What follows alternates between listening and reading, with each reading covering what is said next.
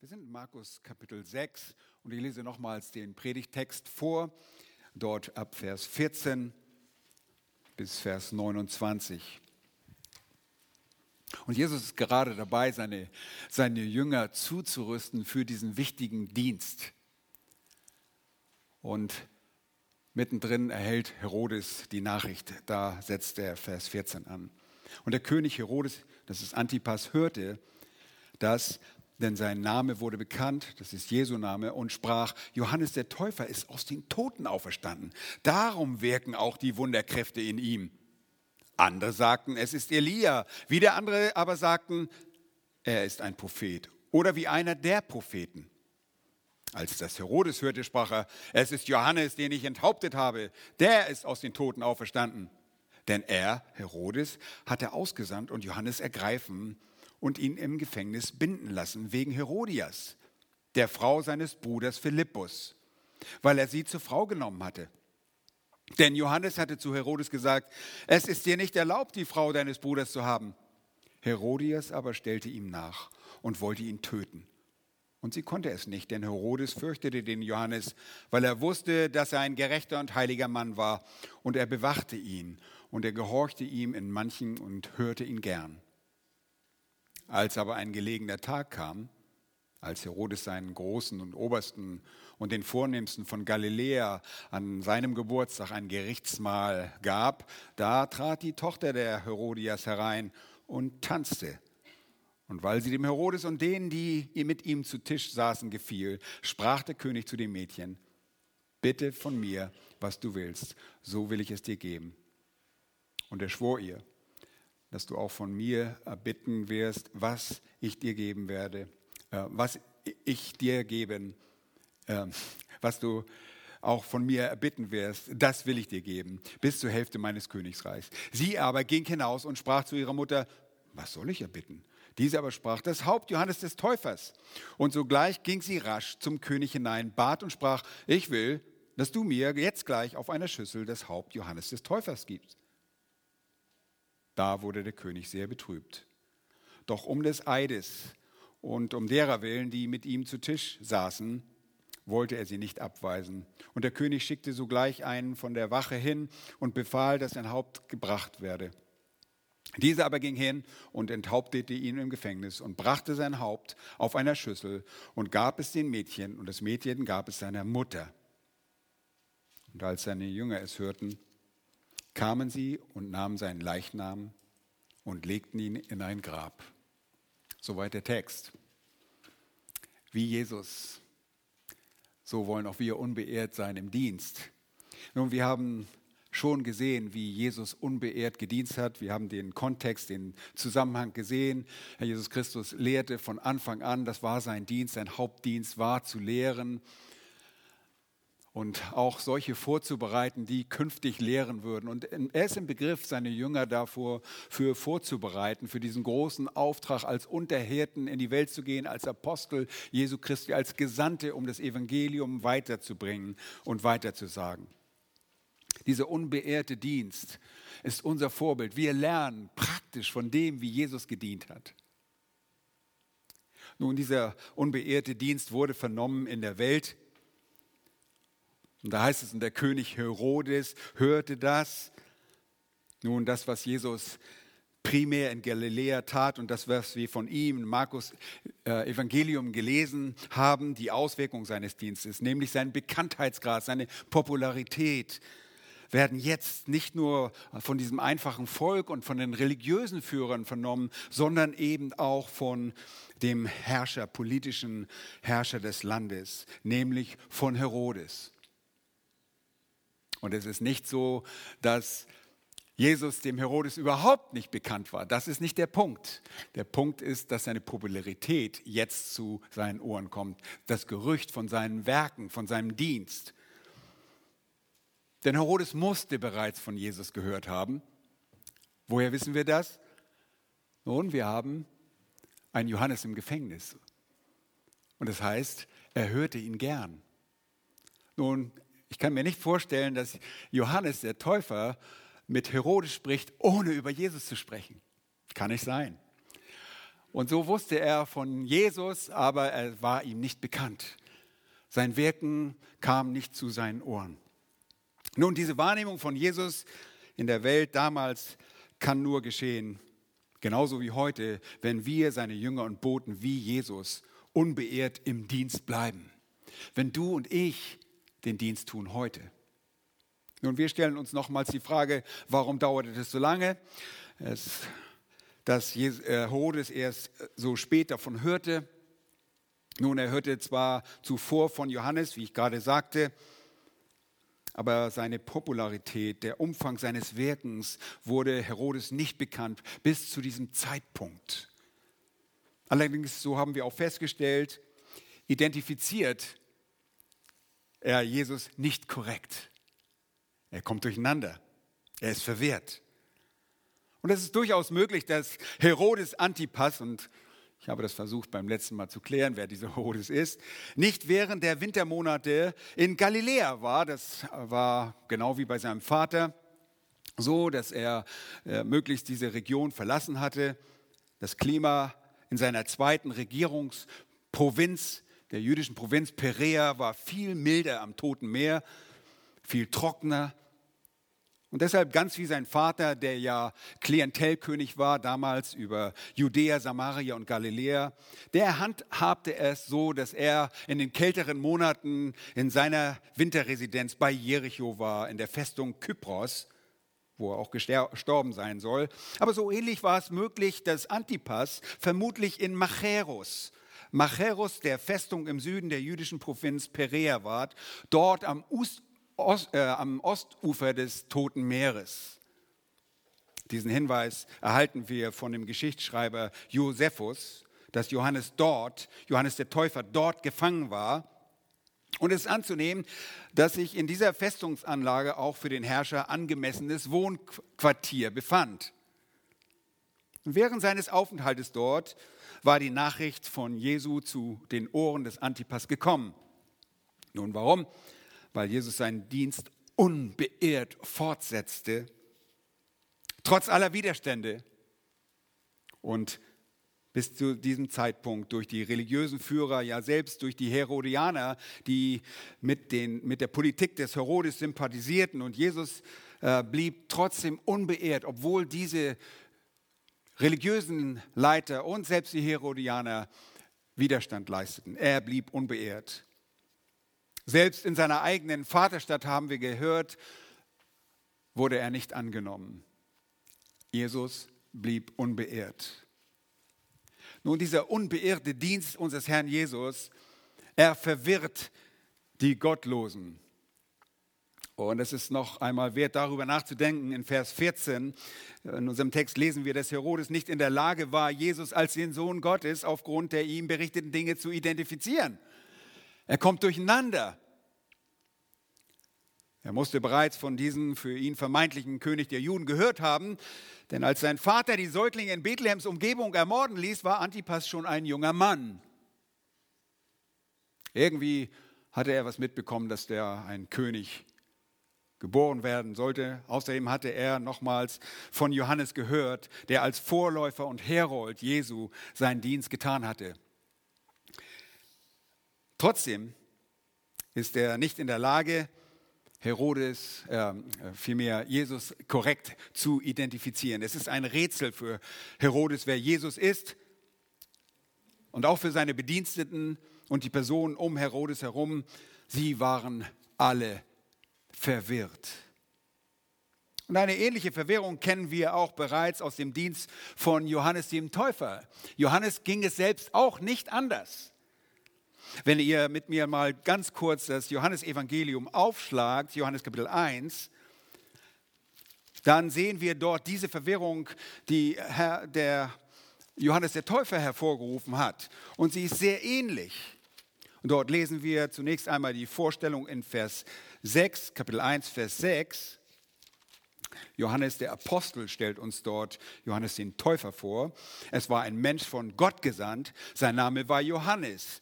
Dieser kam zum Zeugnis, um von dem Licht Zeugnis zu geben, damit alle durch ihn glauben. Nicht er war das Licht, sondern er sollte Zeugnis geben von dem Licht. Und dann Vers 15 lesen wir, Johannes legte Zeugnis von ihm ab, rief und sprach, dieser war es, von dem ich sagte, der nach mir kommt, ist vor mir gewesen, denn er war eher als ich. Nun, kein Wunder, dass die Gottlosen durch solche Sätze durcheinander kommen. Und aus seiner Fülle haben wir alle empfangen Gnade um Gnade. Vers 19 lese ich weiter. Dort lesen wir dann, und dies ist das Zeugnis des Johannes, als die Juden von Jerusalem Priester und Leviter sandten, um ihn zu fragen, wer bist du? Und er bekannte und leugnete nicht. Er sagte, ich bin Johannes. Das sagte er wahrscheinlich. Er leugnete nicht, wer er ist, sondern bekannte, ich bin nicht der Gesalbte, ich bin nicht der Christus. Und sie fragten ihn, was denn? Bist du der Elia? Und er sprach, ich bin's nicht. Bist du der Prophet? Und er antwortete, nein. Seht ihr, sie sind durcheinander, was die Identität von Johannes dem Täufer anbegeht. Nun, sie hatten irgendeine so Ideen von dem, wer da kommen sollte, denn auch am Ende unseres Alten Testaments, nicht am Ende des Tanachs, der Tanach ist ein bisschen anders arrangiert, er hört mit dem zweiten Chronikbrief auf, aber am Ende unseres Alten Testaments im Buch Malachi, die letzten beiden Verse weisen auf Elia hin. Vers 23 heißt es, siehe, ich sende euch den Propheten Elia, ehe der große, furchtbare Tag des Herrn kommt, Tag Jahwes kommt. Und sie waren irgendwie durcheinander und sie dachten, das kann ja nicht Jesus sein. Und mit Jesus konnten sie auch gar nichts anfangen. Zunächst einmal sagt Herodes, ja, das ist Johannes. Und auch die, die um ihn herum waren, da gibt es eine Variante, ich habe da letztes Mal darauf hingewiesen aber sie sind durcheinander mit Jesus. Jesus sagte über Johannes in Matthäus 11, Vers 11, wahrlich, ich sage euch, unter denen, die von Frauen geboren sind, ist keiner größer aufgetreten als Johannes der Täufer. Doch der Kleinste im Reich, der Himmel, ist größer als er. Und dann sagt er, am Ende Vers 14 heißt, in Vers 14 heißt es in Matthäus 11, und wenn ihr es annehmen wollt, er ist der Elia, der kommen soll. Oh, meine Güte, jetzt sind wir völlig durcheinander. Ist er nun der Elia oder ist er nicht der Elia? Nun, er ist nicht Elia, der Elia, der in den Himmel gefahren ist, aber er kam in dem Geist und in der Kraft Elias. Das ist das, was Jesus sagt, um die Verwirrung für die Ungläubigen vollständig zu machen. Äh, kam dieser Satz. Was sagen die Leute von Jesus? Jesus fragt auch später von sich selbst, was sagen die Leute über mich? Das sagt Matthäus in 16, 13. Da heißt es aber, als Jesus in die Gegend von Caesarea Philippi gekommen war, fragte er seine Jünger und sprach, für wen halten die Leute mich, den Sohn des Menschen? Und sie sprachen, etliche für Johannes den Täufer. Seht ihr, die werden ein bisschen verwechselt. Andere aber für Elia, noch andere für Jeremia oder einen der Propheten. Nun, dieser Dienst Jesu rief bei den Gottlosen Verwirrung hervor. Genauso wie es bei dir und mir sein wird, wenn wir treu und unbeirrt dienen. Menschen werden verwirrt sein, wer wir sind. Nun, ich möchte das nicht länger ausführen, aber ich möchte zu dem letzten Punkt kommen, das haben wir beim letzten Mal betrachtet ein bisschen. Der unbeirrte Dienst, wie er verdeutlicht wird durch das Leben des Johannes in den 14, 17 bis 29. Nach dieser Verwirrung nach der Verwechslung der Identität Jesu mit dem Täufer, kommt jetzt ein Rückblick und eine Erklärung für die Enthauptung des Johannes. Okay? Das, wir, wir lassen die Gegenwart und gucken zurück auf ein, ein, ein Ereignis, was Monate zurückliegt. Und Herodes ist fest überzeugt, dieser Mann, der in Galiläa diese Wunder tut, das ist Johannes. Es wird nochmals betont. Seine Enthauptung war bereits einige Monate zuvor geschehen und jetzt glaubte er, dass Johannes von den Toten auferstanden sei und diese Wundertaten durch ihn geschahen. Nun, hier kommt nochmals die ganze Verwirrung zum Ausdruck. Natürlich sprach Johannes der Täufer immer, wenn er mit Herodes sprach, über das Reich Gottes. Und das Reich Gottes beinhaltet natürlich Auferstehung. Und irgendwo brachte er das wohl alles durcheinander, der arme Herodes. Er blickte das einfach nicht. Deshalb jetzt der Rückblick ab Vers 17. auf das, was geschah. Und dabei sehen wir einen Johannes, der Unbeehrte diente. Auch ein Johannes, der unbeehrt diente und darin die Gesinnung Jesu widerspiegelt und anschaulich für uns darstellt. Das ist immer so schön. Wir wollen sein wie Jesus und andere Mal reden wir, wir sollen auch wie Paulus sein. Wir eifern einem Paulus nach und Paulus sagt das sogar selber. Und jetzt sehen wir einen Johannes, der treu und unbeehrt seinen Dienst tut und auch bereit ist, den Preis dieser, dieses Dienstes zu bezahlen. Und da heißt es denn, Vers 17, denn er, Herodes, hatte ausgesandt und Johannes ergreifen lassen und ihm im Gefängnis binden lassen, wegen Herodias, der Frau seines Bruders, Philippus, weil er sie zur Frau genommen hatte. Denn Johannes hatte zu Herodes gesagt, es ist dir nicht erlaubt, die Frau deines Bruders zu haben. Herodias aber stellte ihm nach und wollte ihn töten. Und sie konnte es nicht, denn Herodes fürchtete den Johannes, weil er wusste, dass er ein gerechter und heiliger Mann war. Und er bewachte ihn und er gehorchte ihm in manchen und hörte ihn gern. Nun, wie Jesus, so verkündigte äh, Johannes furchtlos das Wort Gottes und mahnte auf der Grundlage des Wortes Gottes. Schaut in Vers 18. Er sagt, dem Antipas, du kannst die Frau deines Bruders nicht haben. Hier an dieser Stelle sehen wir nur, wie das mutige Mahn des Täufers zu seiner Festnahme führte und letztlich auch zu seinem Tod. Unbeehrt mahnt er auf der Grundlage des Wortes. Aber sein ganzer Dienst war ein unbeehrter, mutiger Dienst, den er bereitwillig im Schatten des Meisters ausführte.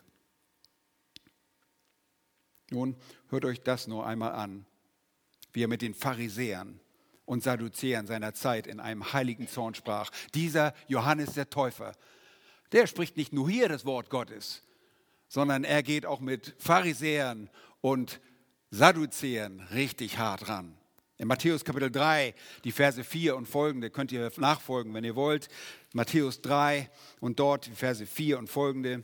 Da heißt es, er aber, Johannes, und jetzt wird er beschrieben, hatte ein Gewand aus Kamelhaaren und einen ledernen Gürtel um seine Lenden. Damalige Mode gewesen. Nein, das war die Prophetenkleidung. Und seine Speisen waren Heuschrecken und wilder Honig, Gourmet-Essen der Wüste. Vers 5, da zog zu ihm hinaus Jerusalem und ganz Judäa und das ganze umliegende Gebiet des Jordan. Und es wurden von ihm im Jordan getauft, die ihre Sünden bekannten. Als er aber viele von den Pharisäern und Sadduzäern zu seiner Taufe kommen sah, sprach er zu ihnen, Schlangenbrut! Oh, das hat gesessen. Das war gerade nicht ein liebevolles Wort, sondern ein, ein Aufweckruf. Schlangenbrut! Wer hat euch eingeredet, ihr könntet dem zukünftigen Zorn entfliehen? So bringt nun Früchte, die der Buße würdig sind. Und denkt nicht, bei euch selbst sagen zu können, wir haben Abraham zum Vater. Denn ich sage euch, Gott vermag dem Abraham aus diesen Steinen Kinder zu erwecken. Es ist aber auch schon die Axt an die Wurzel der Bäume gelegt. Jeder Baum nun, der keine gute Frucht bringt, wird abgehauen und ins Feuer geworfen. Und diese Unbeehrbarkeit geht nicht verloren, wenn er vor diesem Herrscher Herodes Antipas steht, sondern er mahnt ihn sogar. Wohlwissend, was für ein gewalttätiges Herrscherhaus die ganze Herodes-Dynastie gewesen ist. Es war ja nicht verborgen, dass Herodes, sogar seine, Herodes der Große sogar seine eigenen Söhne umbrachte und seine geliebten, ehemals geliebten Frauen, wenn es sein musste. Nun, diese Unbeehrbarkeit des Herrn Jesus, die in seinem Vorläufer und dem Herold seines Kommens veranschaulicht wird, die wollen wir uns anschauen. So war Jesus. Und so war Johannes treu. Und so soll ich und so sollst du unbeehrt in deinem Dienst sein. Unbeehrt in was immer dieser Dienst auch sein mag. Wir sind nicht alles Verkündiger. Wir sind nicht alle Straßenevangelisten, obwohl wir das auf unsere Art und Weise des Evangeliums auch weitergeben. Aber in unserem Dienst unbeehrt zu sein so wie Jesus es tat, wie es in Johannes, dem Täufer, veranschaulicht wird. Das ist unser Ziel. Nun schau bitte mit mir den Text an, um die Merkmale seines unbeehrten Dienstes zu sehen. Nun, denn Johannes hatte gesagt, heißt es dort, es ist dir nicht erlaubt, die Frau deines Bruders zu haben. Nun, die Grundlage der Ermahnung war das Gesetz und er sah sich dazu verpflichtet, den Herrscher Galiläas und Pereas zu ermahnen. Anlass dazu war die eingegangene Verbindung von Schwager und Schwägerin. Sie rief den Mahnruf des Johannes hervor. Und gemäß 3. Mose Kapitel 18 und Vers 16 widerspricht es dem jüdischen Gesetz, wenn ein Mann mit der Ehefrau seines Bruders sexuelle Beziehungen pflegt. Das heißt, dort an der Stelle, du sollst die Scham der Frau deines Bruders nicht entblößen, denn es ist die Scham deines Bruders. Dieser Text enthält einen gewissen Euphemismus, eine Beschönigung, um das zu umschreiben, umschreibt eine intime Beziehung. Nicht nur war Antipas, der Herodes Antipas ein, und Herodias Ehe, waren sie Ehebrecher, sondern er, Antipas, nahm die Frau seines lebenden Bruders. Das ist der wesentliche Unterschied auch dabei. Er nimmt diese Frau. Und dazu kommt noch, dass er seine eigene Frau verlässt. Und obwohl die Brutalität des Herrscherhauses so gut bekannt war, schreckte er in diesen Dienst als Bote und Sprachrohr Gottes nicht zurück. Er blieb unbeehrt. Er blieb immer dabei, seinem Gott und Herrn zu dienen und war bereit dafür, in das Gefängnis zu gehen und darüber hinaus sogar zu sterben. Seht einmal, wie diese Dinge seiner Festnahme, was sie bewirkten und was die Zusammenhänge dort sind. Das ist sehr interessant. Da heißt es, Herodes hatte ausgesandt, Johannes zu ergreifen und ihn im Gefängnis binden zu lassen. Jetzt kommt der Grund. Wegen Herodias, seines Bruders Philippus, weil er sie zur Frau genommen hatte. Denn Johannes hatte Herodes gesagt, es ist dir nicht erlaubt, die Frau deines Bruders zu haben. Herodias aber stellte ihm nach und wollte ihn töten. Sie wollte ihn töten. Und sie konnte nicht. Warum nicht? Denn Herodes fürchtete den Johannes, weil er wusste, dass er ein gerechter und heiliger Mann war. Und er bewachte ihn. Und seine Festnahme hatte zwei Zwecke, hatte einen doppelten Zweck. Einmal ihm aus, dem, aus seinem Dienst zu nehmen, aber ihn auch vor seiner eigenen Frau zu bewahren. Nun, da heißt es, und er gehorchte ihm, Herodes gehorchte ihm manchen Dingen und hörte ihn gern die revidierte, eine der revidierten Elberfelder sagt, wer ihn hörte, war, wenn er ihn hörte, war er in großer Verlegenheit. Äh, Luther sagte, wenn er ihn hörte, wurde er sehr unruhig. Die Züricher übersetzt, wenn er ihn hörte, kam er in schwere Ratlosigkeit. Die Menge sagt, und oftmals, wenn er ihn gehört hatte, war er schwer getroffen. Es war nicht so, dass Herodes gesagt hat, oh, jetzt muss ich mal wieder was hören und dann werde ich das tun, ich werde ihm gehorchen, werde alles das tun. Das ist nicht der Fall. Herodes war ein unbeständiger Mann. Er war ein Mensch der Unbeständigkeit. Und das ihm verkündigte Wort Gottes riss Satan sofort aus seinem Herzen.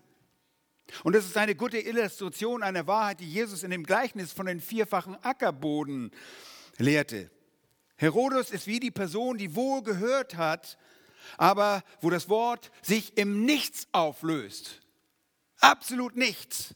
Markus 4, Vers 15 heißt es, die am Weg aber sind die, bei denen das Wort gesät wird und wenn sie es gehört haben, kommt sogleich der Satan, nimmt das Wort weg, das in ihre Herzen gesät worden ist.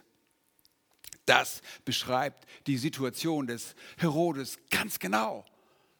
Sicherlich hört er sich gerne diesen Mann an und hatte auch einen bestimmten äh, Ehrfurcht vor dem, was er dort sagte. Johannes blieb unbeehrt. Er machte keine Kompromisse in seiner Botschaft. Und er säte das Wort ungeachtet der Auswirkungen und Resultate. Und das Resultat, was die Mahnung durch Johannes auslöste, war der Schutz, dem Johannes, äh, Herodes, äh, Herodes dem Johannes gewährleistet. Nämlich durch die Festnahme in einem Gefängnis. Ganz recht. Herodes beschützt Johannes vor dem Biest, äh, äh, vor der Frau, vor, das ist jetzt meine bessere Betitelung für diese Frau, also vor seiner eigenen Frau. Was anderes kann man eigentlich zu dieser Frau nicht sagen, wenn man sieht, was sie weitermacht. Mir fällt einfach nichts Besseres ein.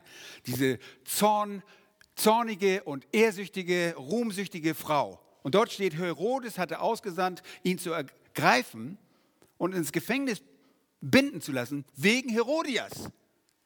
Sie war hinter ihm her.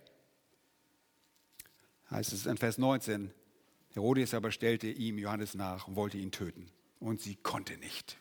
Vers 20, denn Herodes fürchtete den Johannes. Nun, Herodias war zum einen der Anlass für die Ermahnung und zum anderen der Grund für eine furiose, rasend hitzig leidenschaftliche Ehefrau, die ihn an den Kragen wollte, die Johannes Böses tun wollte. Nun, wer war diese Frau, die dem Johannes da an die Kehle wollte? Wir haben schon ein bisschen gelesen. Sie war verheiratet ursprünglich mit Philippus. Das ist Philippus der Erste, Boethos ich fange nicht wieder an, alles aufzurollen, keine Angst, ich weiß, ihr seid schon immer noch durcheinander vom letzten Mal.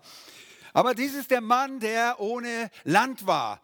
Dieser Nichts, der kein Erbe bekommen hatte, weil alle seine Brüder wurden enterbt, äh, beziehungsweise geköpft und ge gehängt und äh, beziehungsweise entsorgt.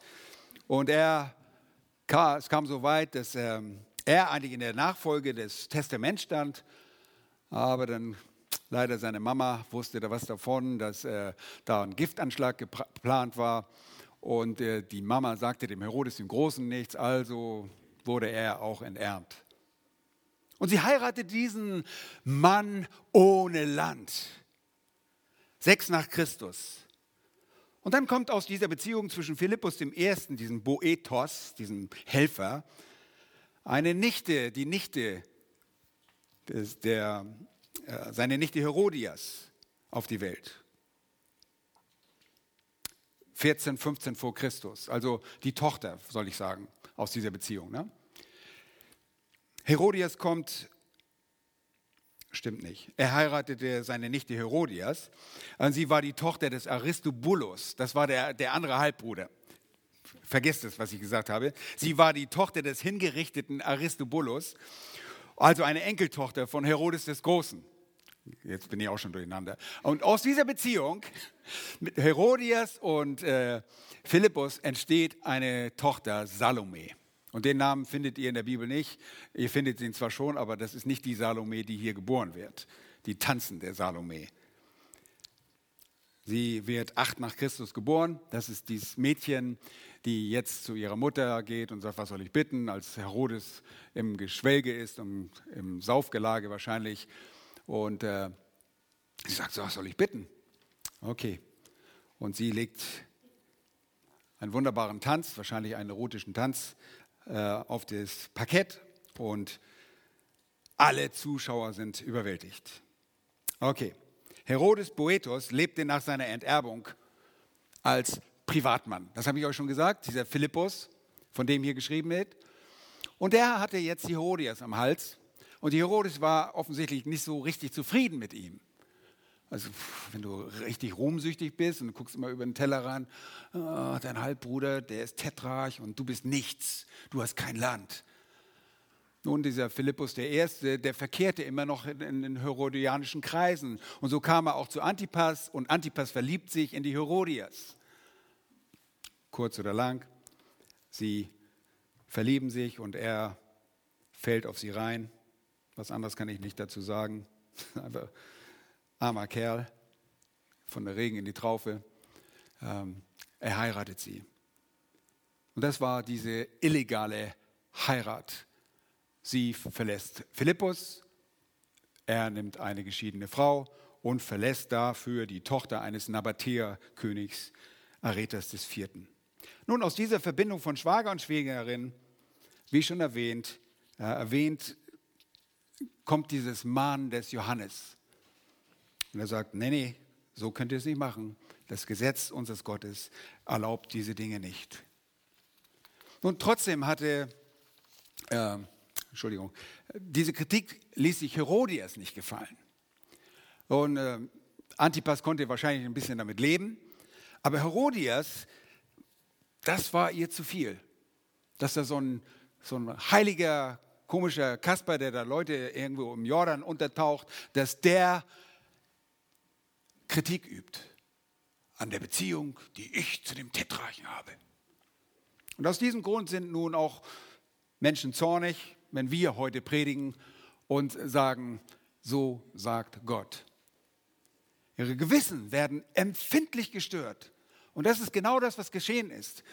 Wenn ein Mann Gottes auf, aufsteht und spricht, so sagt Gott, das Gesetz sagt, es ist dir nicht erlaubt. Ich habe das sehr deutlich einmal in einer Beziehung in Kanada. Ich habe dort eine äh, lesbische Beziehung, eine Ehe, die damals in Kanada geschlossen wurde, kritisiert, öffentlich.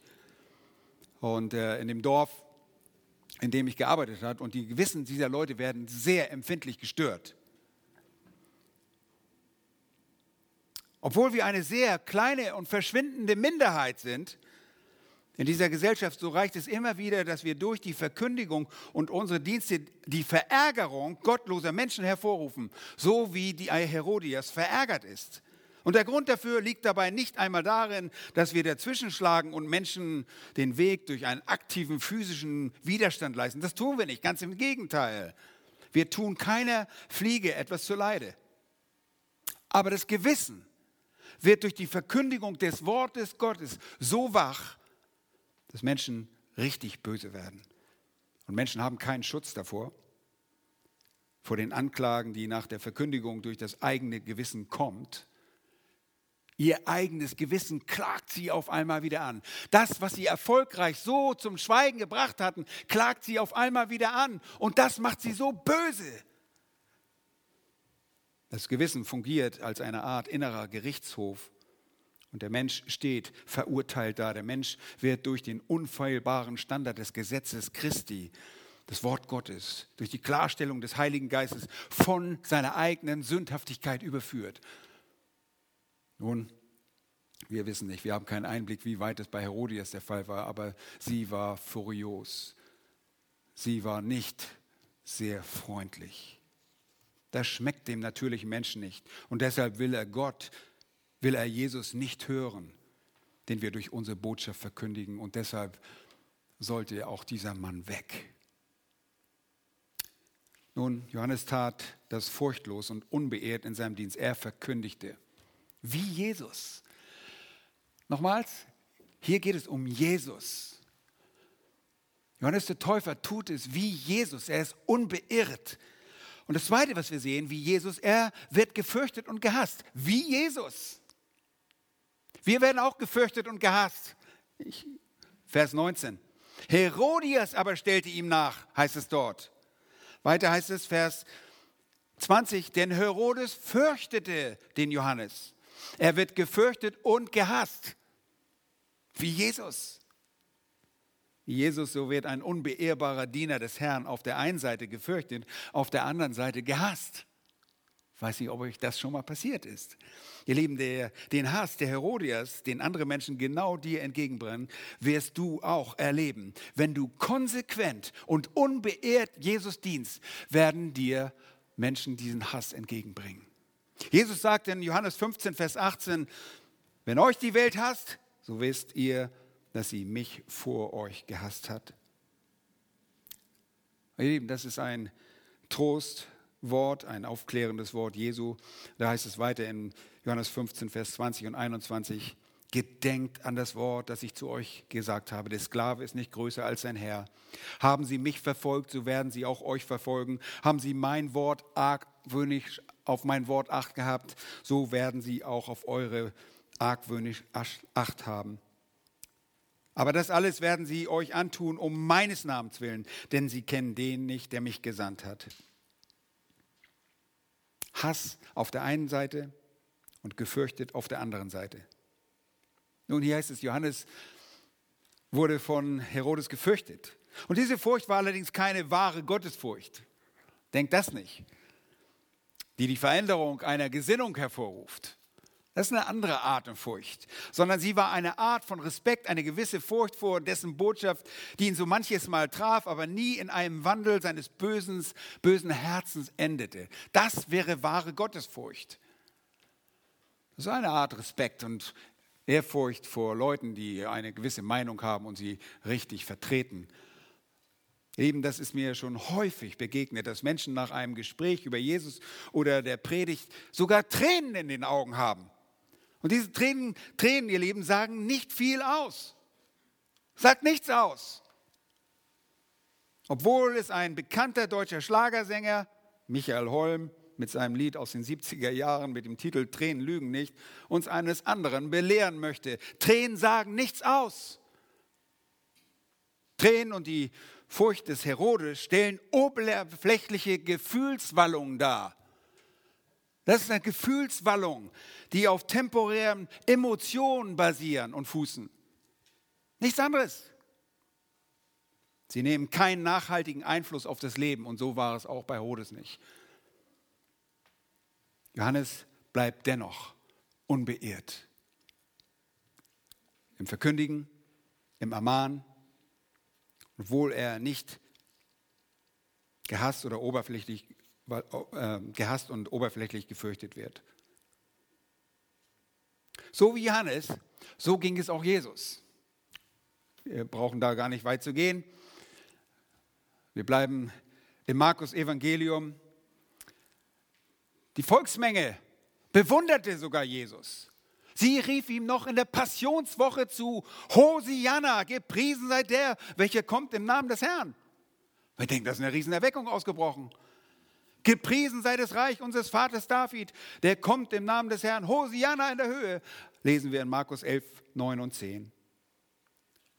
Nur wenige Tage später, in der Leidenswoche, in dieser Passionswoche, Später vor Pilatus wurde diese scheinbar aufrichtige Anbetung in ein lautstarkes Kreuzige ihn, kreuzige ihn verwandelt. Und Pilatus fragte, was wollt ihr nun, dass ich ihm tue? Den König der Juden, den ihr König der Juden nennt, sie aber schrien, kreuzige ihn. Und wiederum immer, immer wieder kreuzige ihn. Seht ihr, den Respekt und die Furcht, die Gottesfurcht und selbst die scheinbare Anbetung dieses Königs der Juden, unseres Herrn Jesus Christus, wandelte, wandelte sich schnell, weil es keine tiefgründige Veränderung gab. Und das sollst du wissen. Johannes war wie Jesus bereit zu sterben. Jesus tat es für uns, um uns zu erlösen. Johannes tat es für Jesus, weil der Preis für die Nachfolge Tod bedeutet. Auch für dich. Bist du bereit zu sterben? Und ich habe schon oft gesagt, es ist leicht, sich an die Wand stellen zu lassen und erschießen zu lassen. Das ist einfach. Bist du weg, du bist gleich im Himmel. Preis den Herrn. Schnelle Beförderung gibt es nicht. Aber Lukas 9 sagt, und da spricht Jesus zu allen, wenn ihr mir nachkommen wollt, und wer mir nachkommen will, wenn jemand mir nachkommen will, so verleugne er sich selbst und nehme sein Kreuz auf sich täglich und folge mir nach. Denn wer sein Leben retten will, der wird es verlieren. Wer aber sein Leben verliert um meinetwillen, der wird es retten. Seht ihr? Das schwierige Sterben ist, deinen eigenen Wünschen, deinen eigenen egoistischen Plänen zu folgen zu wollen. Und die kennen wir alle. Wenn auf einmal es um Wünsche geht und nicht mehr um objektive Wahrheiten, sondern um Vorlieben geht und, und du willst nicht nachgeben. Du willst dein, dein eigenes Ziel durchsetzen. Und um Christi willen einfach zu sterben, zu sagen, Herr, nicht ich, sondern du sollst regieren. Ich möchte den anderen höher achten. So war Jesus bereit, alles zu geben. Nun, ich habe noch ein bisschen mehr hier, ich muss weitergehen wie Jesus, so wird auch Johannes skrupellos getötet. Skrupellos. Und die Geschichte ist wirklich eine Tragödie, wenn man das sich durchliest. Als ein gelegener Tag kam, als Herodes seinen großen Obersten und den Vornehmsten von Galiläa an seinem Geburtstag ein Gastmahl nahm. Und ich nehme an, dass das in dieser Festung Machea stattgefunden hat, wo auch immer. Ich kann mir vorstellen, dass dort ein großes Gelage stattfand, Alkohol fließt. In der Welt ein Fest ohne Alkohol ist kein Fest. Das ist irgendwie was Langweiliges für die Welt. Sie brauchen diesen süßen Wein und das Gelage und dieses Getränke, dieses, damit es ein richtiges Fest ist. Nun, da trat Vers 22 die Tochter des Herodias rein, herein und tanzte, diese am 8 nach Christus geborene äh, Tochter Salome. Sie tritt hinein und unter dem Einfluss des Alkohols stehen, gucken sich diese Männer, diese halb angezogene Frau, wie auch immer das stattgefunden hat, also wahrscheinlich ein erotischer, viele der Ausleger gehen da einfach davon aus, dass es ein erotischer Tanz war. Und die Lust die Augenlust übernimmt. So, dass er fast seinen ganzen Verstand verliert. Dass er sagt, Vers 22, bitte von mir zu diesem Mädchen, was du willst, so will ich es dir geben. Nun bis die Hälfte seines Reiches wollte er ihm geben. Das ist äh, im Prinzip ein Antrag, hey, du kannst mit mir regieren. Hälfte meines Reiches. Hey, hier ist Perea. Ich behalte Galiläa oder du nimmst Galiläa, ich nehme Perea. Er muss völlig im Suff gewesen sein und nicht nur so, der muss auch intoxicated, also ähm, von dem Anblick dieser halbnackten Frau einfach so völlig weggetreten gewesen sein, dass er sowas Blödes sagte. Hm. Und da kam dieses Biest um die Ecke, diese Frau, die Herodias, und die hat gesagt, ha, mein Moment ist gekommen. Der ist Toast. Der kann überhaupt nicht mehr denken. Der ist völlig weggetreten. Alkohol hat es nicht geschafft, aber meine Tochter hat es geschafft. Diese Lust, diese Gier, oh, diese Frau. Brachte auf einmal, der sprudelten die Lippen. Du kannst, du kannst haben, was du willst. Völlig betrunken im Kopf, völlig daneben. Übrigens, das Berauschtsein durch eine, das Ansehen einer Frau ist dem Berauschtsein eines, äh, eines alkoholischen Getränkes sehr, sehr gleich werden ähnliche Stoffe ausgeschüttet im Körper. Vers 23, er schwor ihr. Und diesen Schwor vor anderen, vor den Oberen, vor den geladenen Gästen, vielleicht einige von den Nabatäer-Freunden, die er hatte, das Reich, das direkt daneben war. Hm, ist er ein Mann seines Wortes? Herodias wusste, dass er das einhalten musste. Die Tochter Salomo geht hinaus und sprach zu ihrer Mutter, was soll ich bitten? Diese 20-jährige junge, junges Mädchen, junge Frau geht zu ihrer Mama, was soll ich tun? Was soll ich tun? Hm, ich habe eine gute Idee. Verzichte auf diese Herrschaft, ist nicht so wichtig. Wir müssen den Typ loswerden. Seht ihr diesen Zorn dieser Frau, diesen elenden Zorn dieser Frau, die den Mann Gottes umbringt? Schrecklich. Biest ist viel zu gut ausgedrückt. Ich sage es euch, ich muss noch bessere Wörter, ich muss mir das anderes einfallen lassen. Sie sagt, das Haupt Johannes des Täufers. Das Haupt des Johannes des Täufers? Ja, der sitzt unten. Da unten, in dem Loch, weißt du, da ganz unten. Wahrscheinlich hört er das Getöse von diesem Feste da unten in, seiner, in, seiner, in seinem Kerker. Da heißt es sogleich, ging sie rasch zum König hinein, diese Tochter, dieses Mädchen, die folgt ihrer Mama, sagt, ich will, dass du mir jetzt gleich auf einer Schüssel das Haupt Johannes des Täufers gibst. Und eine Schüssel, damit ich nicht mich selbst beklecker, weil, ihr könnt euch vorstellen, frisch abgeschlagener Kopf ist nicht so appetitlich. Irgendwo musste das Blut ablaufen. Wir wollen uns gar nicht so sehr reinsteigen, aber Johannes der Täufer er war bereit dafür. Er war bereit dafür und er war willig. Wisst ihr was? Das war das Leichtere für ihn, so zu sterben. Ein scharfes Schwert ist wie ein Schuss durch den Kopf.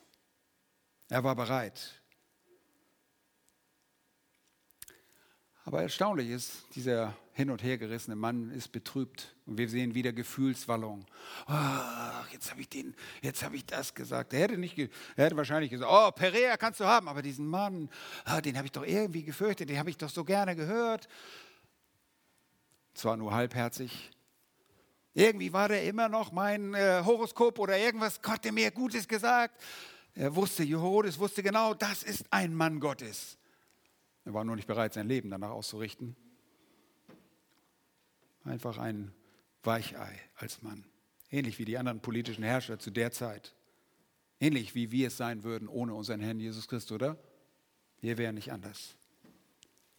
Er wurde sehr betrübt, doch um des Eides willen, weil er sich so ver, vereidigt, weil er einen Eid abgelegt hat, einen Schwur abgelegt hat, um derer willen, die mit ihm zu Tisch saßen. Wäre keiner da gewesen, wäre bereit, den Worten Einhalt zu gebieten oder äh, die rückgängig zu machen. Aber der König schickte sogleich einen von der Wache hin und befahl, dass sein Haupt gebracht wurde. Skrupelloser Tod. Einfach radikal. Boom. Kopf ab. Dieser ging hin, enthaupte ihn im Gefängnis, brachte sein Haupt auf eine Schüssel und gab es dem Mädchen. Und das Mädchen gab es der Mutter. Und in dieser ganzen schrecklichen Geschichte gibt es nur eine Frau, eine Person, die wirklich Freude daran hat. Und das ist diese Frau, diese ruhmsüchtige Frau, die diesen Mann unbedingt loswerden musste. Meine Frage ist, bist du bereit, den Herrn zu dienen? Bist du bereit, so dein Leben zu geben und unbeehrt zu dienen, mit dem Wissen, dass diese Dinge dir passieren können? Sie werden dir passieren. Sie werden passieren. Vielleicht nicht auf diese Art und Weise, in diese dramatische Art und Weise. Aber nochmals, Jesus sagt in Lukas 14, wer nicht sein Kreuz trägt und mir nachkommt, der kann nicht mein Jünger sein. Wenn du nicht bereit bist, deinen täglichen Wünschen und eigenen Gelüsten zu sterben, dann kannst du kein Jünger Jesu sein. Der Preis der Nachfolge Jesu ist hoch. Wir verkündigen kein billiges, keine billige Gnade, einmal die Hand heben und wir sind Jesu Jünger. Nein, Jesus möchte, dass du ihm folgst.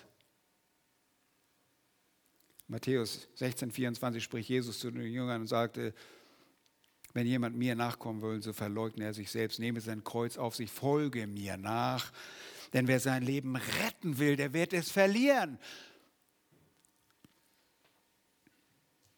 Und dazu war Johannes bereit. Er war bereit, es zu verlieren. Und wirklich, was passierte, war eine schnelle Beförderung. Ruckzuck war er bei dem Herrn.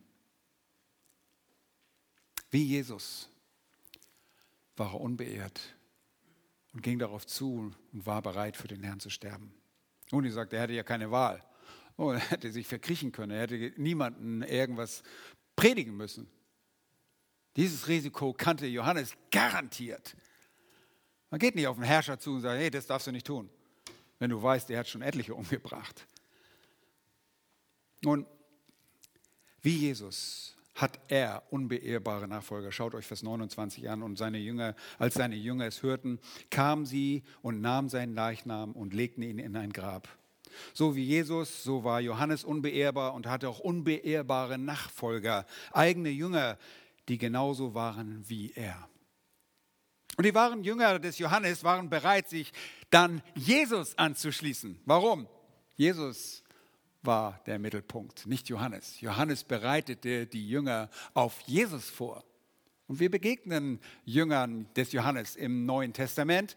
Und wahre Jünger des Johannes wurden wahre Jünger Jesu. Nun, wir haben im Markus Evangelium auch Johannes Jünger gefunden, die waren ein bisschen verwirrt. Die waren durcheinander, das gibt es auch, so wie Jesu Jünger auch. Einiges nicht mehr hören wollten, Johannes 6, die auf einmal nicht mehr mit Jesus gehen wollten. Viele der Jünger wollten nicht mehr mit Jesus gehen. Schlagt es nach, Johannes 6, 66. Ihr wisst es schon. Aber zunächst dienten sie Johannes als Boten und wenig später als solche, die ihn beerdigten. Und sie wussten, jetzt ist sein Dienst vorbei, jetzt sind wir Jünger Jesu. Jetzt gehören wir diesen Herrn an, um den es in dieser Geschichte wirklich geht. Das ganze Evangelium geht um unseren Herrn. Es geht nicht um Johannes. Das ist eine tolle Geschichte. Wir sollen nicht nur Geschichten lernen, sondern diese Geschichte illustriert uns, wie ein Mann Gottes unbeehrt in seinem Dienst ist. Und damit komme ich zu meinem letzten Punkt.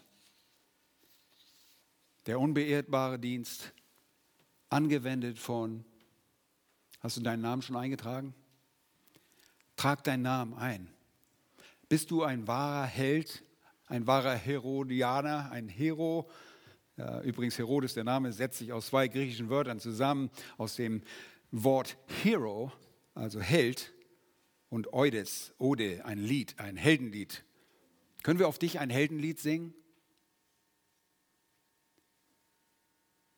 Wird es von dir angewendet? Bist du unbeehrbar?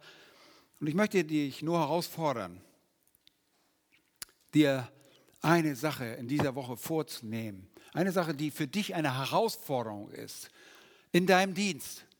Das kann der Dienst an deiner Frau sein oder an deinem Ehemann sein. Das kann ein Dienst an irgendjemand in der Gemeinde sein. Nimm dir eine herausfordernde Sache heraus und tu das unbeehrt. Tu es zur Ehre Gottes, ganz egal, wie du dich dabei fühlst. Okay? Gefühle sind nie ein zuverlässiger Partner. Tu das, weil es richtig ist, weil Gott es von dir möchte. Ja, komm, hast du vielleicht Probleme, irgendwo hinzugehen oder irgendeine Versammlung zu, sagst du, oh, ich bin am Abend so müde. Geh dahin. Nimm es dir vor. Sag, du, du wendest diesen Punkt an. Es geht darum, dass du das anwendest in deinem ganzen Leben. Wir können alle sagen Halleluja, wenn hier alles gut ist und toll, wir dienen dem Herrn. Nimm etwas, was dich herausfordert und tu das. Du wirst gesegnet sein und Gott wird geehrt sein. Das ist unser, unsere Absicht. Wir wollen etwas tun, um Gott zu ehren. Ist das nicht so? Wir wollen wie Jesus sein. Erst wenn wir das wirklich verstehen, dass das nicht nur ein paar tolle Geschichten sind, die uns irgendwo unterhalten, sondern dass sie für uns da sind, dass wir ihnen nachfolgen, haben wir verstanden, worum es geht. Wollen wir zu seiner Ehre leben? Ich möchte das. Lass uns das gemeinsam tun und füreinander beten, dass wir unbeehrt sind in dem Dienst, den wir für Jesus tun. Und such dir eine Sache, die besonders herausfordernd für dich ist.